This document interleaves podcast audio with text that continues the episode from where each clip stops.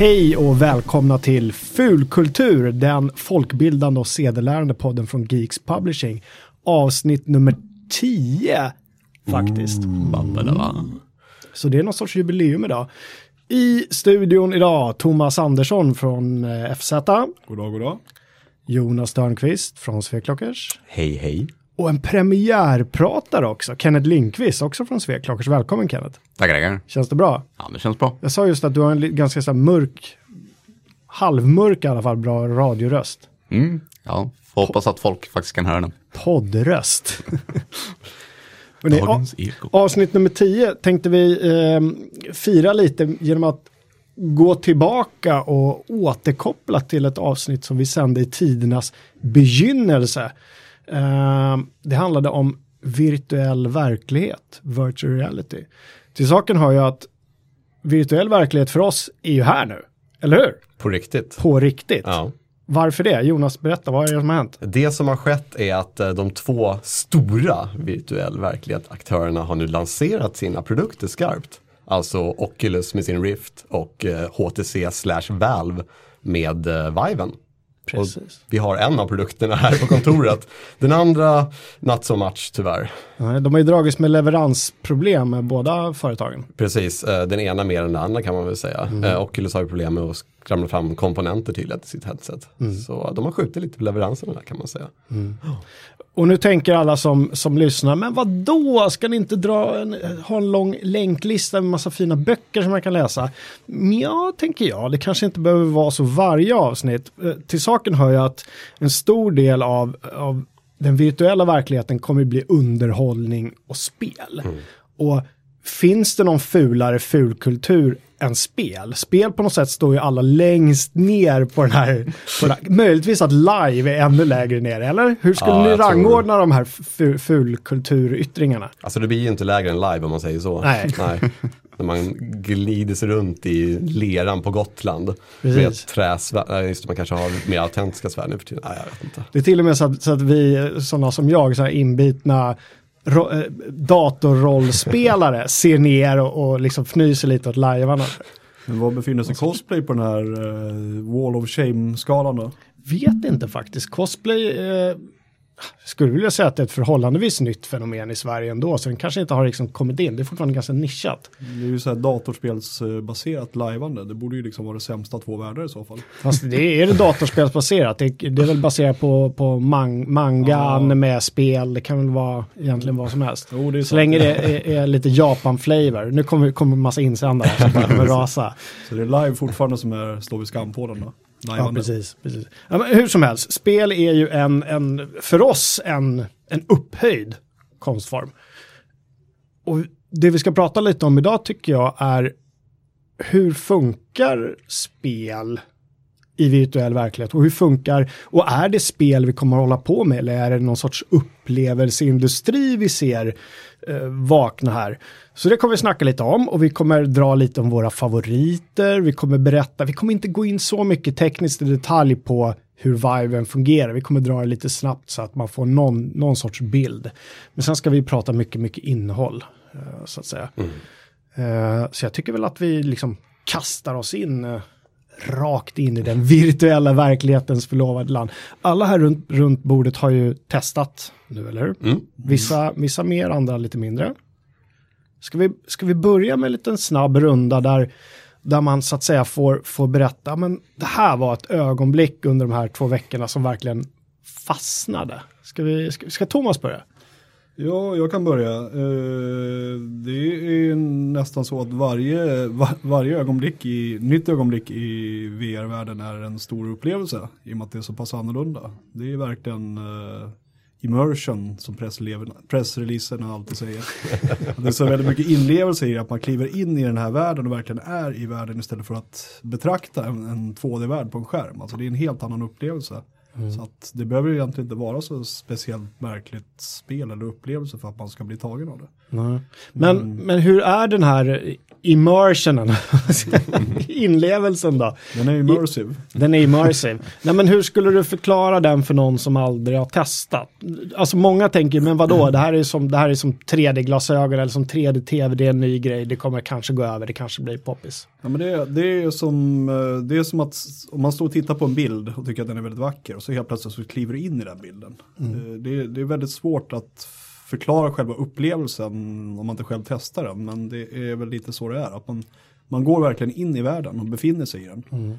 Och det jag har svårt att tänka mig något annat, någon annan upplevelse som kan jämföras med det. Mm. det blir, man blir så omsluten, innesluten i upplevelsen. Mm. Det är en fantastisk upplevelse.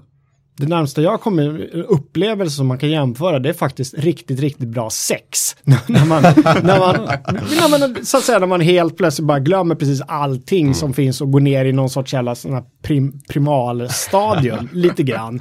Att, att, jag har kommit på mig själv och liksom glömma bort rummet runt omkring och sen när man tar av den här masken då blir man väldigt, väldigt disorienterad. Mm. Man är vänd åt ett håll man inte hade en aning om att man var vänd åt och, och, det är ett helt annat ljus och det är en helt annan ljudbild och det är väldigt märkligt.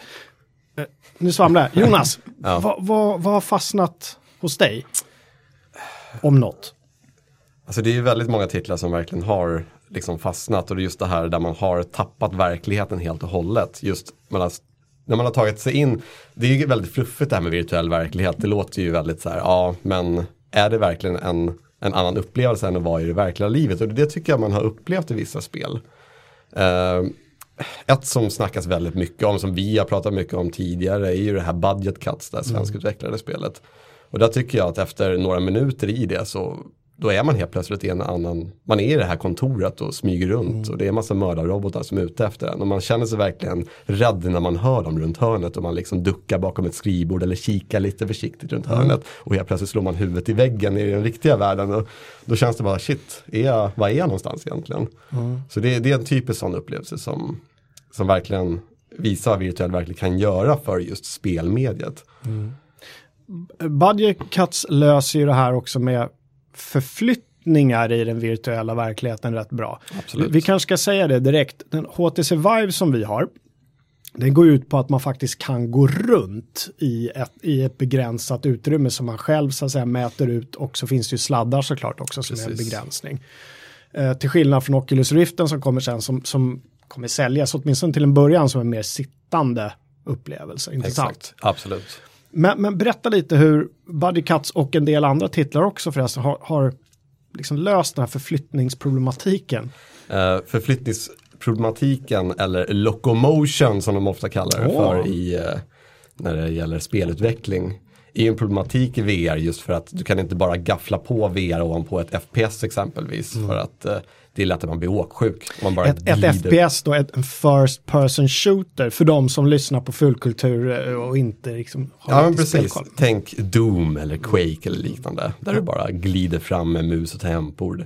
Det blir lätt lite disorienterande och sen blir du illamående. Speciellt om man har fallenhet för sånt. Mm. Eh, det som många utvecklare löser det här med är att man istället eh, har det här förbestämda rummet där man kan gå runt i och sen när du når gränsen så kan du i princip teleportera dig till en annan plats i rummet. Uh, det kan låta lite så här påklistrat och tråkigt men det funkar faktiskt mm. förvånansvärt bra i spel just. Och det beror ju på vad det är för typ av spel givetvis. Mm. Uh, det är ju det, ett av problemen du måste överkomma. Att det är ett FPS där man rör sig runt väldigt snabbt. Det är ju en speciell typ av gameplay. Och den här teleporteringen kanske inte riktigt funkar i den typen av hög uh, tempos lirande liksom. Mm. Jag blev också förvånad över hur väl den där teleporteringen fungerade. Hur, hur hjärnan kopplade det ja. direkt och tyckte att det var en helt naturlig grej så länge du tittar dit så att säga. Precis. Som du ska färdas, annars ja. kan det bli lite förvirrande. Ska, ska väl sägas också att det är, är väldigt, VR är väldigt, väldigt känslig för onaturliga rörelser. Mm. Man uh, hoppar fallskärm till exempel och glider lite sidled. Alltså det är, man, man, man knäar som en alkis. Man får tappa balansen liksom på fredag eftermiddag när mm för bolaget. Det är riktigt svårt alltså, så det gäller att göra det bra för att det ska funka. Mm. Kenneth då? Uh, ja, de, den titel som jag har fastnat för mest skulle jag nog säga är Valves egna The Lab. Det har de gjort väldigt bra. Det, var, det är ju massa småspel i det spelet. Och eh, speciellt arkadspelet som de har. Den, man fastnar verkligen i det lilla stängda rummet som man sitter i. Och kontrollerar den här lilla rymdskeppet som ska döda andra rymdskepp. Och det är väldigt Berätta bra lite mer om The Lab. Du går ju omkring i ett forskningslabb, eller hur? Som är lite baserat på, på Valves den här Portal Aperture Science Precis, det känns ju som att de har tagit direkt ur det, alltså ur Portal-spelet. Det är ju bland annat ett eget litet Portal-demo där man kollar på en av Portal-robotarna som man springer runt med i co-op. Men annars är det ju som sagt lite små demos, mest för bevisa vad man kan göra i OTC Vive. Det är just det där pilbågsspelet som finns också. Har fångat många hjärtan här på kontoret. Det funkar väldigt bra tycker jag. Jag känner direkt vilken utmaning vi står inför att beskriva VR i ett radiomedium. alltså det är tillräckligt svårt att beskriva med både text och bild som vi gör i vanliga fall på våra sajter. Men att sitta och verkligen försöka berätta det. Ja, en uppgift. Ja, det är inte lätt att beskriva någonting som är rakt framför en och röra runt i. Ja, det blir väldigt abstrakt allting. Men jag håller faktiskt med Kenneth, en av de titlarna som fastnade hos mig mest var just The Lab. Eh, bara en sån grej att det finns en liten robothund som springer omkring och följer med i vissa av de här upplevelserna. Det, är Som man kan klappa och kasta pinne med och Precis, sånt. som du kan klappa med hjälp av dina två handrörelse motion controller som du håller i handen som blir som att säga dina förlängda armar i den här spelvärlden. Något annat som också funkar väldigt bra tycker jag, att hjärnan kopplar, "Äh, men du har inga armar i den här världen utan de här kontrollerna som man ser framför sig är dina lemmar. Och det är liksom inga konstigheter, hjärnan greppar det efter ett tag och det funkar jättebra. Där kan man böja sig ner och klappa den här lilla hunden och man kan kasta pinnar och andra grejer, koppar och vad man vill efter. Den springer och hämtar den och är väldigt glad och fin. Otroligt ball grej. Just det här med att eh, det känns så naturligt med eh, att röra händerna i virtuell verklighet som det gör med exempelvis HTC Vive är också ett kvitto på hur långt tekniken har kommit. Och hur bra den här spårningen funkar ihop med både headsetet och med händerna. Så det, det tycker jag är extremt imponerad över eftersom jag har prövat VR under väldigt många år nu och sett den här utvecklingen, hur mycket bättre det har blivit. Liksom. Så, Vad är nästa steg där? För nu är det så här, nu är det händerna och huvudet so- som eh, eh, upplevelserna känner av, som tekniken känner ja, av. precis. Vad händer sen då? Kommer det bli, kommer man ha kneepads på sig? Oh, nu stöter jag till saker här i upphetsningen. Kommer man ha knäskydd på sig som känner av vad knäna är eller vad magen är eller vad ryggen är? Hur? Ja, frågan är om det behövs i det här stadiet. Jag tror nästa nivå är nog uh, fingertracking i princip. Där du känner av varje individuellt finger. Och det finns det ju redan en del teknikdemos på. Ja, händerna är ju viktigt. Det är väldigt viktigt. Men jag kände annars att just det här att exempel en robothund som springer omkring och sen märker man att den springer igenom ens osynliga ben. Ja, det kunde känns lite sådär. Det Alltså. vore skönt Ja. om det var blockat där på något Mm, sätt. faktiskt. Det känns ju inte riktigt som att man klappar den där robothunden heller när man håller den här handkontrollen i handen och tittar ner. Och en glad ysterhund så här och så håller du en plastbit som inte reagerar överhuvudtaget. Så någon, någon typ av sån här haptisk feedback kanske blir en grej också. Fast jag, köpt, jag köpte det ändå på något sätt. Jag, jag tyckte det var en, en naturlig grej. Ja, men det är så det funkar i den världen. Där är det mina armar, så det gör inte så mycket. Den Liksom. fångar ditt hjärta den här hunden. Ska vi gå tillbaka till eh, The Lab Kenneth? För där fanns en upplevelse som jag gillade. Förutom den här robothunden så var det en, eh, en affär i någon sorts fantasy-setting som vi sen fick reda på byggde på eh, var det Dota, va? Butiken i Dota 2, precis. Butiken i Dota 2. Jag spelar inte Dota 2 så jag hade ingen aning om det och alla skrattade gott åt mig när jag, en film som vi la ut där och jag sa vad är det här för någonting? Men det, det, var, det var en riktigt ball upplevelse. Man rör sig på ett litet, litet begränsat utrymme in i en stuga och man kan interagera med vissa grejer. Det finns små varelser som tittar på dig och följer dina, dina händer eller ett ljus som du håller upp. Du kan förminska dig och hamna på en hylla uppe på väggen och, och liksom titta på det här affären från en helt annan vinkel. Det kommer in en liten snubbe på en flygande matta. Det är ett stort monster, Diablo kanske, som rör sig utanför i mörkret och till slut öppnar taket och sliter upp det. Och allt det här liksom står man där och upplever. Och där kände jag på något sätt att här har vi grunden för hur ett, hur ett häftigt berättande i VR kan komma att te sig. Eh, att, att man så att säga förflyttar sig mellan, mellan olika, olika världar och får saker och ting berättat för sig, upplever och interagerar och kanske till slut pratar med, med varelser där också när du kommer någon form av röstigenkännings... Jag vet inte, det, Nej. alltså möjligheten är ju oändliga. Oh, ja. Det finns ju redan något, eh, riktigt spel, alltså med story och sånt som jag vet Jonas har testat. Det där Ja, Starseed, Uh, the Gallery Episode 1 Call of the Starseed. Precis. Den kortaste titeln i världen. Den, den mest insäljande titeln också. Ja, men precis. Men den har ju utnämnts av många till den här, en av de stora titlarna för just HTC Vive just. Eh, och det är ju för att det faktiskt är ett riktigt spel.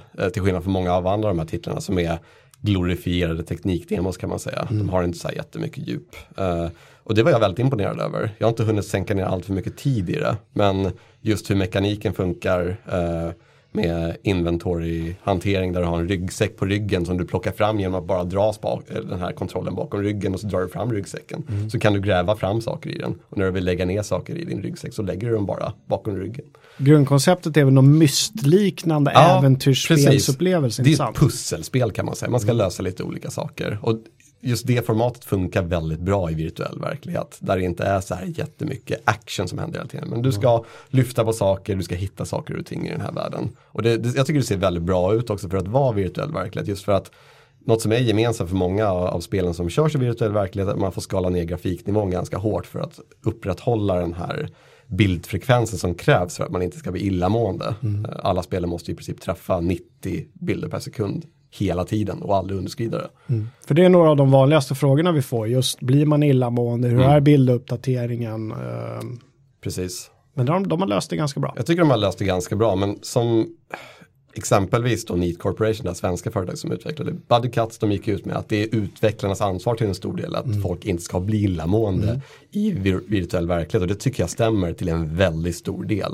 Ett ordentligt kodat spel som är gjort från virtuell verklighet från grunden upp kommer generellt sett inte ge dig illamående. Även om det självklart går att implementera element i spelet som verkligen är en illamående generator om man säger så. Men alltså ju, även om man testar sådana grejer som de snackade om förut med fallskärm. Det finns ju en, eh, en demo väl som heter Apollo 11. Ja, just Där det. man är med på första rymdfärden, eller första månfärden. Precis. Och den börjar ju med den här lilla fallskärmssekvensen om man ska kalla det. Det är kameran som åker ner från eh, över det där avfyrningsområdet ner, eh, ner till raketen. Och det är klassiskt sånt där som, eh, som man borde bli illamående av förut när man körde Oculus Mm. Rift, eh, testversion av den i alla fall. Eh, Men när man kör det här, det är liksom inte en tendens till illamående faktiskt. Nej, Däremot precis. väldigt mycket yrsel och svindel och lite sådana saker. Men illamående har jag inte känt någonting. Så att de har faktiskt löst det väldigt, väldigt Mm. bra.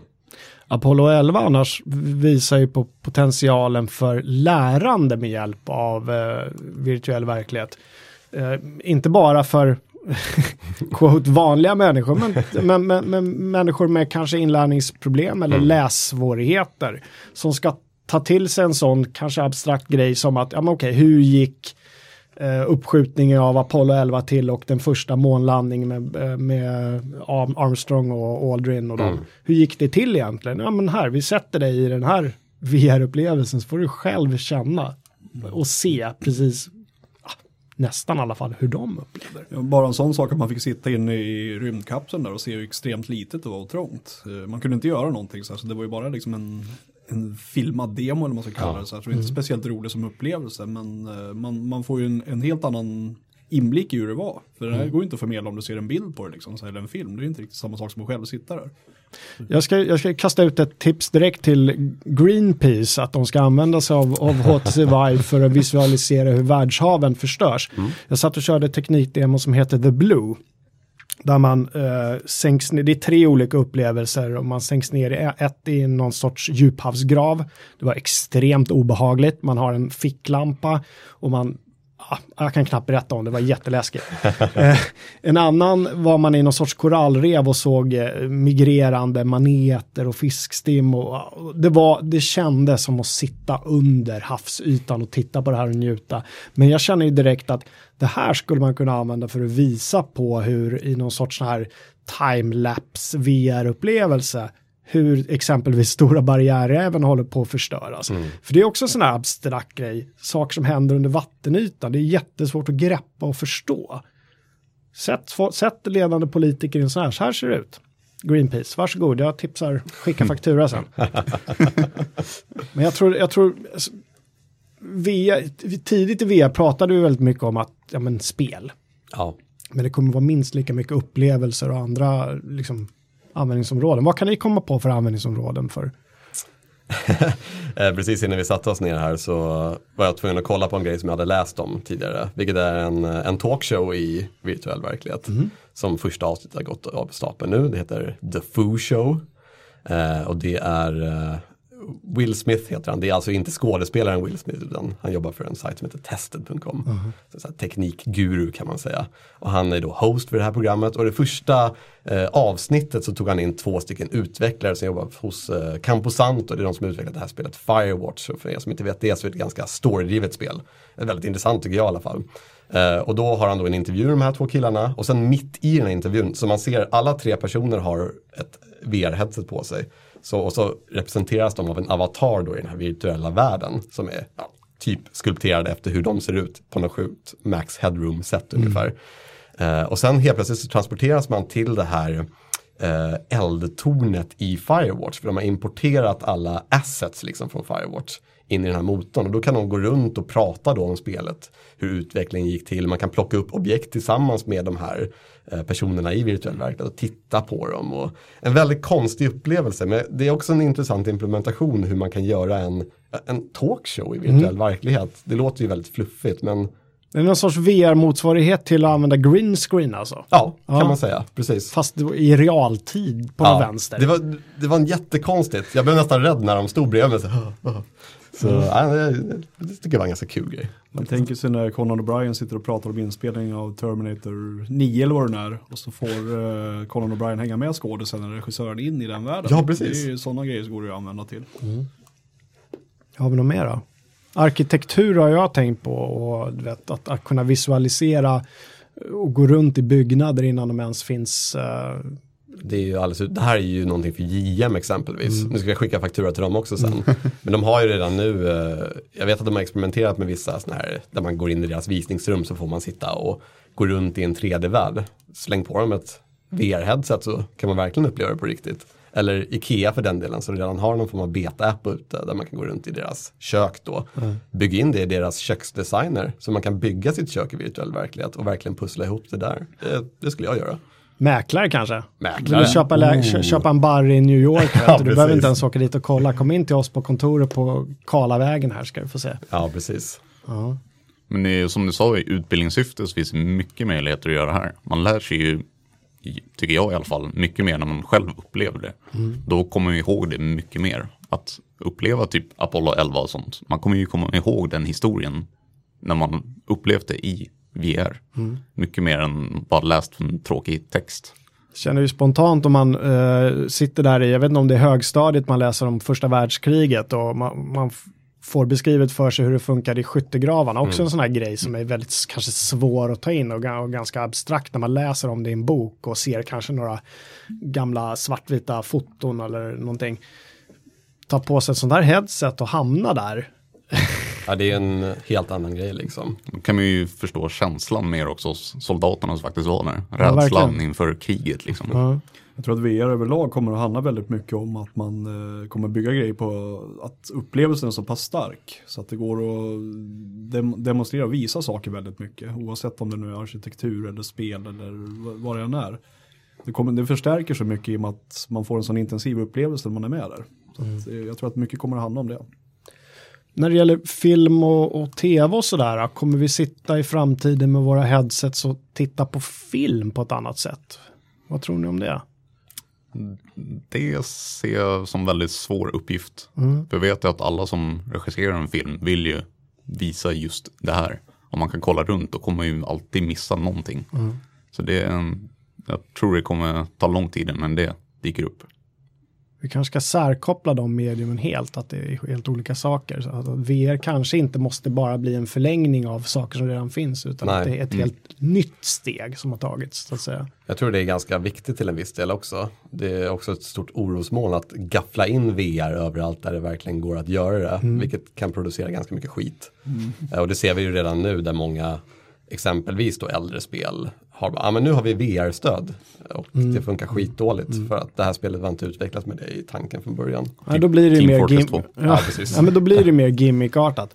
Ett fullängdsspel som vi testade här i veckan som faktiskt funkade helt okej med VR, det var ju Elite Dangerous. Jajamän. Men de har haft en ganska lång tid på sig också att implementera det. Men det var ju ett spel som inte byggdes för, med, med VR liksom i åtanke från början, va? Är det inte så? Ja, det, det är alldeles riktigt. Det är ju en vanlig flygsimulator eller rymdflygsimulator om man ska kalla det lite förenklat. Eh, just flygdelen är det som funkar så bra med VR då. Eh, Men där någonstans så känns det som att eh, hela den här simulatorgrejen är ju som gjord för VR överlag. Att sitta still på ett ställe och kontrollera ett fordon. Det blir ett väldigt naturligt sätt att styra saker. Och eh, man får hela den här överblicken som man saknar ofta när man tittar på en skärm. Det är svårt att se sig omkring i en simulator. Liksom. Du ser vadå 90-100 grader som mest. Kan man bara vrida på huvudet så funkar det ju fantastiskt bra. Yes. Och både, både HTC Vive och Oculus Rift har ju varsin. Eh, Oculus Rift har ju Eve, Val, Val, Eve Valkyrie som inte finns till Vive. Eh, Men båda de är ju eh, rymdflygsimulatorer, eller vad man ska kalla det, rymdflygare. Och det är lite synd, jag saknar den riktiga flygsimulatorn än så länge. Där man flyger, gärna andra världskriget eller någonting sånt. Men just att få den här jordiska känslan, alltså det kommer att bli, om någon tar sig tid och lägger ner den energi som krävs på att göra en riktig sim så kommer det bli sjukt bra med VR. Jag ser ju fram emot, eh, ja, som F1, fantast som Ja. är, så ser jag verkligen fram emot till, till exempel F1 i VR, eller något racingspel. Ja, absolut. Det- Ja, det borde ju funka bra. Det är ju inga konstiga sidledsrörelser där, utan det är ju Nej. ganska mycket liksom Man straight sitter ju forward. sti- stationärt men världen rör sig runt om en liksom. Så att det kommer nog funka väldigt bra. Det har gjorts lite sådana grejer förut men det finns en eh, sån här head-tracking-lösning som heter TrackIR. Eh, där man ställer en, eh, vad ska man säga, en sändare på skärmen som sänder ut en ljussignal eller IR-signal eller vad. Så har man en grej på huvudet som gör att när man rör huvudet så rör sig bilden man ser på skärmen. Fast det är inte riktigt gjort för, det, det funkar inte helt bra med snabba spel som bilspel och sådär. För grejen är att man måste hela tiden titta på skärmen. Och det gör man inte när man vrider huvudet i verkligheten utan där följer ögonen med. Så det funkar lite sådär tycker jag. Men eh, de korta ögonblick jag har testat eh, bilspel, bilsimulatorer med VR-hjälm nu så funkar det fantastiskt bra. Så det är Formel 1. Mm. Jag har faktiskt provat Formel 1 med eh, VR förut, fast det var med Oculus DK1. Ja, ja. Så det var ju lite problem där, tanke på att upplösningen var lika, mycket, lika hög som en panel på en mikrovågsugn. Typ. Så man kunde ju inte se någonting. Nej.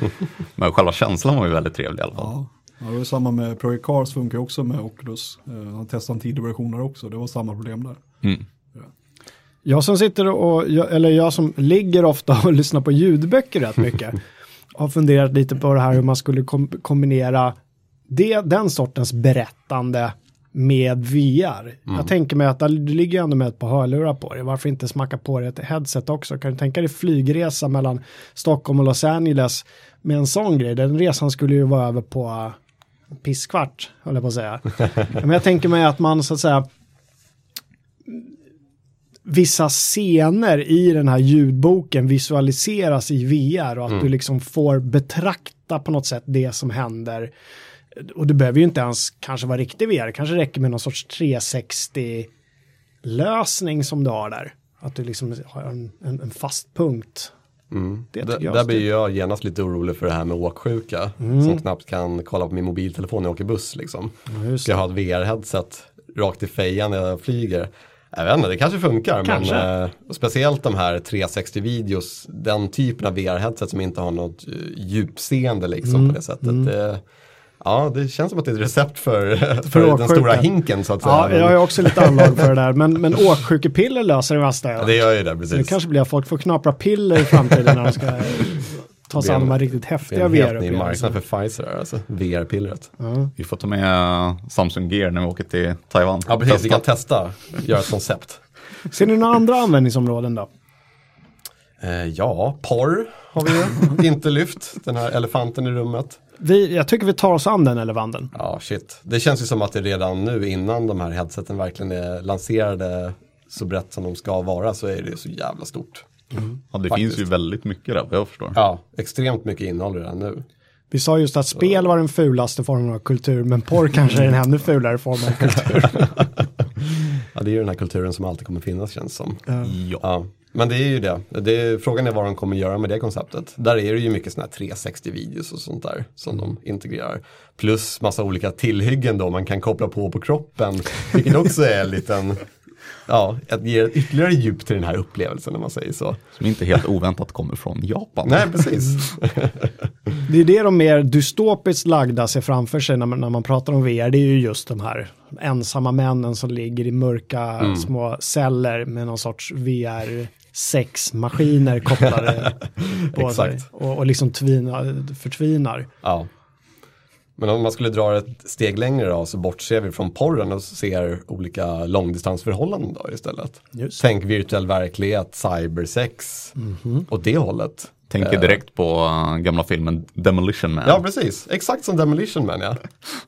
Fast Just det, någon, sorts tantra Ja, precis. Man sitter på varsin sida. Ja, Ja, och kunna, kunna liksom umgås fast vi är på olika sidor av planeten. exakt. Det, Det är rätt häftigt. tycker jag är jäkligt häftigt. Det kommer ju krävas att det kommer någon utrustning som kan scanna in dig. Ja, Så att du blir en avatar, avatar i den andra personens dator. precis. Annars blir det lite, lite hattigt om det blir någon form av så här generisk, eh, konstig, modellerad gubbe på andra sidan. För det, men den tekniken har också kommit väldigt långt, den här kroppsscanningstekniken. Det har det absolut. Så det är väl egentligen bara en tidsfråga innan det appliceras på det här. Ja, precis. Man kan ju i princip eh, scanna objekt i 3D med en eh, Xbox Kinect. eh, Jaha. Så, så de behöver bara ta den ytterligare ett steg och det är inte särskilt dyr teknik egentligen. Mm. Så absolut. Ja, Revision 2 kan ju mycket väl ha den funktionen i de här fyrorna som finns i Ja, Observio. precis. Att den i princip skulle kunna scanna av hela rummet och eh, bygga upp objekt i 3D. Mm. Så Sjukt spännande. Det faktiskt. kan ju vara nästa steg. Hörni, har ni några fler? Det, det är såklart inte speciellt många som lyssnar som faktiskt har en sån här hemma. Det här är rätt, det är rätt, för det första är det leveransproblem och för andra är det rätt dyra grejer. Ja, Vad kan en sån här HTC Vive gå på Jonas? Eh, man kan räkna med strax över 9000 kronor inklusive frakt. Eftersom man i princip måste köpa den direkt genom HTC då.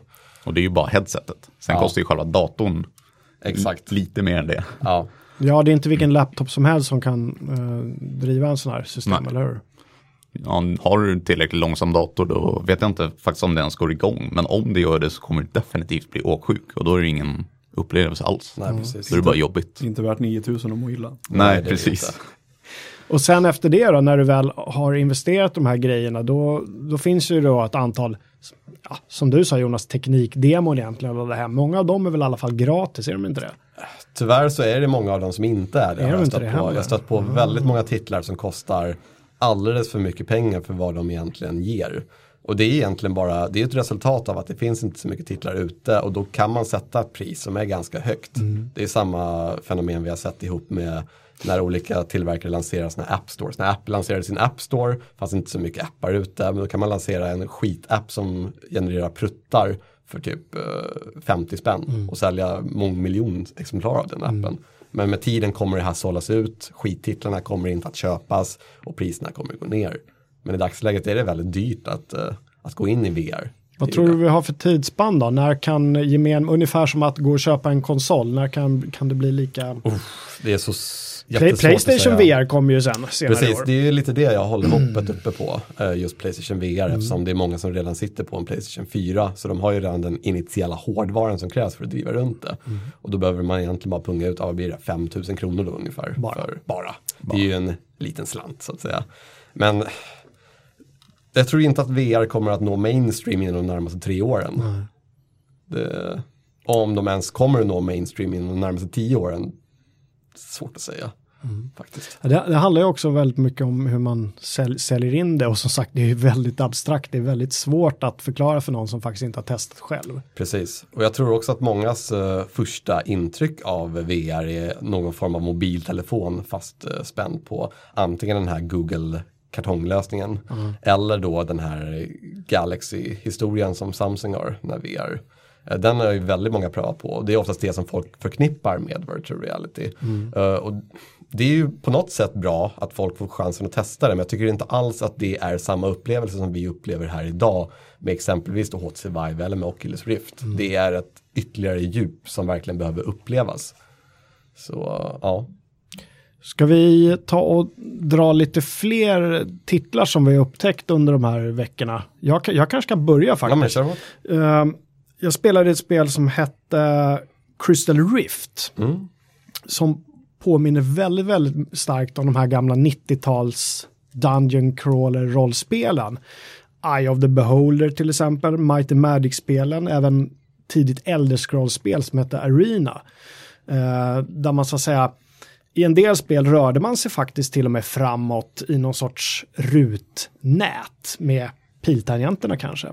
Uh, lite senare versioner så kunde man faktiskt röra sig rent fysiskt framåt. Men det är extremt likt de här gamla spelen och här har du någonting, där dyker det då upp skelett som du faktiskt kan fightas mot. Det är ju första gången jag upptäckt sånt i, i, i, i Viven. Mm. Uh, fördelen var att de sprang inte mot dig helt hysteriskt och började slåss utan de väntade på att du ska agera för att det så att säga ger spelaren lite, lite andrum. Uh, så det kan jag verkligen rekommendera. Jag spelade också det här som, som ni pratade om, The Gallery. Enda gången jag blev åksjuk, men jag tror att det var någon bugg. För att jag, Mm. när jag kom in i världen så kände jag direkt att någonting var fel. Jag tror det kan ha berott på att mina fötter var någon halv meter under Ah. jordytan. för det är fortfarande buggigt. Det här är, Det är det in- absolut. som ett betastadium nästan, eh, känns det som. Alla är vi ju testpiloter för det här jättedyra VR-headsetet, vilket känns lite ironiskt på något sätt. Men eh, ja, det är så att vara early adopter för. Kenneth då, vad har du med, lirat med? Berätta.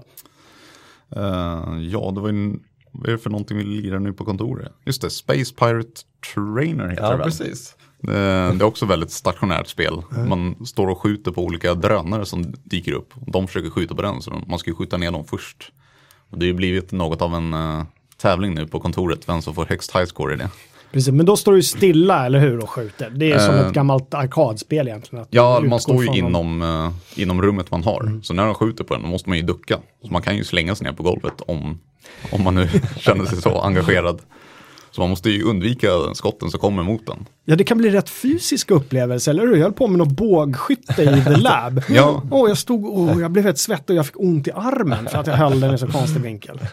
Jätteballt. Jag har ju träningsverk från det här Space Pirate Trainer i låren. För jag gick ju ner i såna här Matrix-positioner. För när de här robotarna eller drönarna skjuter sin laser, då går hela spelet in i en slags bullet time slow motion. Så man har möjlighet att undvika de här lasrarna. Och så kommer det laser från olika håll, får man liksom gå ner och... Ja, vad, vad heter det, den, den här leken man gör eh, när man står på en matta? Och, Twister. Twister. Ja, men lite som det ungefär kändes det som. Ja. Och det, just det spelet, det är ett av de mest inlevande spelen tror jag. Jag verkligen kände, jag försvann helt och hållet från tid och rum och jag var bara i den här konstiga rymdplattformen och sköt på de här drönarna och flög runt överallt. Det var jävligt roligt, måste jag säga. Thomas, Thomas då? Jag klev in i mitt gamla kockyrke i Job Simulator. Det var Just ju, det, Job det tänk, tänker man att det här är- kan ju inte vara roligt, liksom stå still på en plats och laga lite mat så här, men det är återigen den här inlevelsen. Så att man stod ju där och började på pyssla och plocka och så Kalle som var med stod och tittade och sa "Men varför, varför håller du sån ordning sa han. Vilken ordning du håller. Han, var- han, han hade redan spelat där så han gjorde ju kaos direkt. Kände man det att det räckte någon gammal kocknerv där man ska vara ordning och reda på sin plats och allting sånt där. Så. Och, och, den är inte den största upplevelsen kanske men eh, ändå väldigt, väldigt minnesvärd. Jag såg någon video av det där, du hällde vin i grytan och så varannan i din mun också, var det inte så? varannan ungefär. kockens. Ja, man får ju passa på. Sin egen chef på sitt eget lilla café liksom. Smakar ju bra. Ja, men Job Simulator är ett tydligt exempel på att de här tidiga grejerna på något sätt visar potentialen i de olika delarna av, av virtuell verklighet, vad som kom, komma skall väldigt mycket, eller hur? Precis. Eh, Jag tycker också Job Simulator är ett jättebra exempel på hur eh, det inte bara går att göra ett spel som kretsar kring att laga mat, utan att man också måste skriva in humor eller någon form av story i spelet. Eh, Job Simulator lever ju väldigt mycket på sin humor och de här absurda grejerna som de här beställarna vill att man ska göra. Eh, och det är också någonting som, som genomsyrar hela titlarna som finns nu på virtuell verklighet. Det finns några guldkorn där ute och det som verkligen lyfter ut dem från mängden är att de, det är välskrivna titlar, även om det är väldigt lite innehåll i dem. Precis, det är någon form av berättande som äger rum där. Du är inte Nej, bara men en, en, en iakttagare. Exakt, och även The Lab liksom. Eh, Det visar ju också på Valves finurlighet när de skapar sina karaktärer och man får ju väldigt mycket personlighet från de karaktärerna som finns med i The Lab. Så. Finns det några, det här med berättandet då i VR, hur, hur kan det, nu tänker jag vi spåna lite grann, hur kan det utvecklas framöver då? Ja, det är bland annat dokumentärer också. Jag har för mig att, eh, vad heter den, jag glömmer alltid bort namnet på honom. Kända dokumentären som alla älskar. Planet Earth. Ja, precis. Ja. Uh, Attenborough heter Attenborough, han. ja. Precis. Han har väl gjort någon dokumentär redan i VR, vill jag minnas. Och sådana grejer skulle ju funka utmärkt. Och verkligen ta sig till platserna och få, få dem beskrivna av varför det funkar och sånt. Det är, ja, återigen det där med lärandet. Det kan vara, hjälpa till väldigt mycket, tycker jag. Det finns någon serie på, på tv för barn där det åker runt en snubbe och teleporteras i, i forntiden med dinos, runt bland dinosaurier och grejer. Det, det vore ju en cool grej så att säga. Att, titta nu ska vi lära oss här i, i skolan om dinosaurier. Sätt Ja. på de här. Och så följer ni med den här eh, läraren runt i den här världen och Precis. tittar på Kommer en T-rex där och sliter små barn i stycken och grejer. Det vore ju fantastiskt. Det vore fantastiskt. Ja. Fantastiskt. Traumatiserade barn. Ja, men det, där, det där med barn har jag tänkt på lite grann också. Hur, hur vågar man sätta ett HTC-headset med hörlurar på en fyraåring till exempel? Ja. Det gäller, bara, det gäller bara att man som förälder är medveten om vad det är de tittar på. Som allting annat. Det, tror jag inte, det blir inte för mycket för deras små outvecklade hjärnor då? Nej, det tror jag absolut Nej. inte. Jag tror de är mycket mer flexibla än vad vi vuxna är. Mm. Jag tror inte att det är någon fara. Vad skönt. Jag tyckte det roligaste var, vi ställde ju ut på en, eh, på en mässa för några veckor sedan eh, och demonstrerade en tidig version av eh, Oculus Rift då. Och det roligaste var ju att sätta på det här headsetet på yngre barn. För att de verkligen försvann bort i den här världen. Det var, de verkligen tyckte det var det coolaste de någonsin har sett. Så ja. Så det vore ju tråkigt att, att ta bort den möjligheten för barn. Även om många av de här headsetmakarna säger att ja, de rekommenderar det inte förrän från 12 år uppåt. Men mycket av det har ju med ergonomin att göra också. Att headsetet inte riktigt är anpassade efter mindre huvuden. Nej, precis. Och plus att det inte finns några direkta forskningsstudier på. Precis, långtida studier. Långtida studier. Påverkan. Men det sunda förnuftet säger kanske att det inte är, jag menar så länge det är välgjort så är det ingen, är det ingen större fara. Nej, Men det finns ju alltid de där olyckskorparna som blir väldigt oroliga så fort det kommer en ny teknik och en ny underhållningsform. Och så har det ju varit ända sedan Gutenberg och boktryckarkonsten. Det det är alltid någon som är rädd för att det ska vara farligt. Ja, precis. Kommer vi få se sån HTC Vive-bål? Ja, förmodligen. Det är världens dyraste bål. Ja. Läk, läkekonsten då, Thomas? Vad, vad tror du VR kan ha för...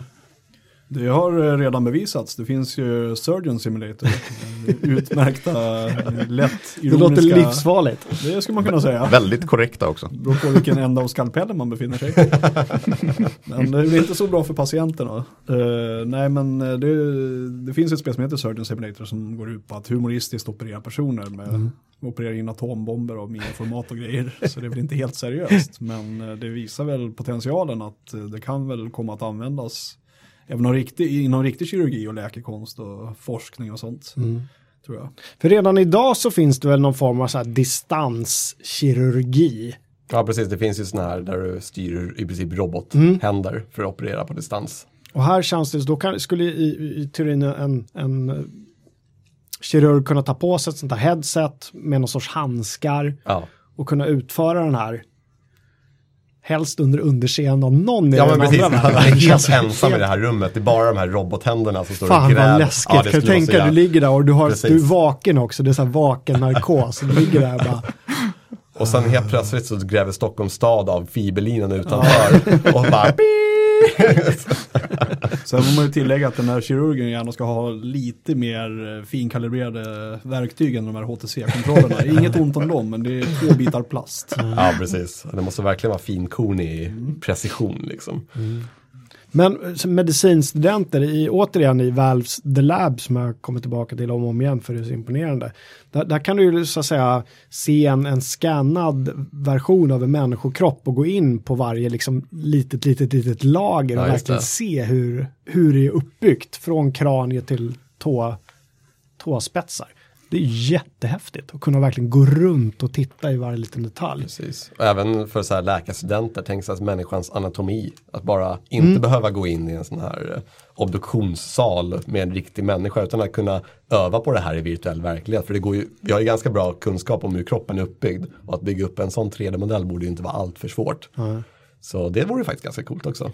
Du skulle kunna göra en, eh, en ny version av den här 80-talsfilmen om någon minns den. eh, Heter den 24, 24 timmars jakten. Just det, när de är- krymper sig. Ja, de krymper Ja, ner människor det, och ja. skickar in i blodomloppet och så. Ja. Jag skulle kunna göra lite pedagogisk eh, övning inom Det skulle kunna vara riktigt bra faktiskt. Hörrni, eh, jag vill påminna också om att allting vi pratar om, även om man som, sagt VR blir väldigt abstrakt, men vi kommer försöka länka till så mycket som möjligt, för det gör vi ju eh, efter, ja, inför varje avsnitt av Fullkultur som vi publicerar, att vi gedigna länklistor så att ni själva kan gräva er vidare och läsa. Vi kommer länka till vårt, allt vårt film och videomaterial som vi har gjort på på HTC Vive då, främst eftersom Oculus inte har kommit än. Så ni får se hur vi ser ut när vi tar oss in i de här världarna. Ehm, är det någon som har någonting att tillägga innan vi, innan vi avslutar för den här veckan? VR är framtiden, fast eh, framtiden ligger ett par år in i framtiden. Ja. Exakt. Ja, men det är lite så jag känner också, att det här är så här, de första stapplande stegen. Ja, men det är ju som månlandning, det är den vi gör nu. Ja. Det är Det är sjukt häftigt att vara med. Hörrni, tack för att ni kom hit och pratade virtuell verklighet. I nästa avsnitt som kommer om två veckor så går vi tillbaka igen lite grann. Då ska vi eh, prata lite mer böcker och film och sådär om, om något intressant ämne. Vi får se vad det blir för någonting. Tack för att ni kom och tack alla för att ni lyssnade på Fullkultur.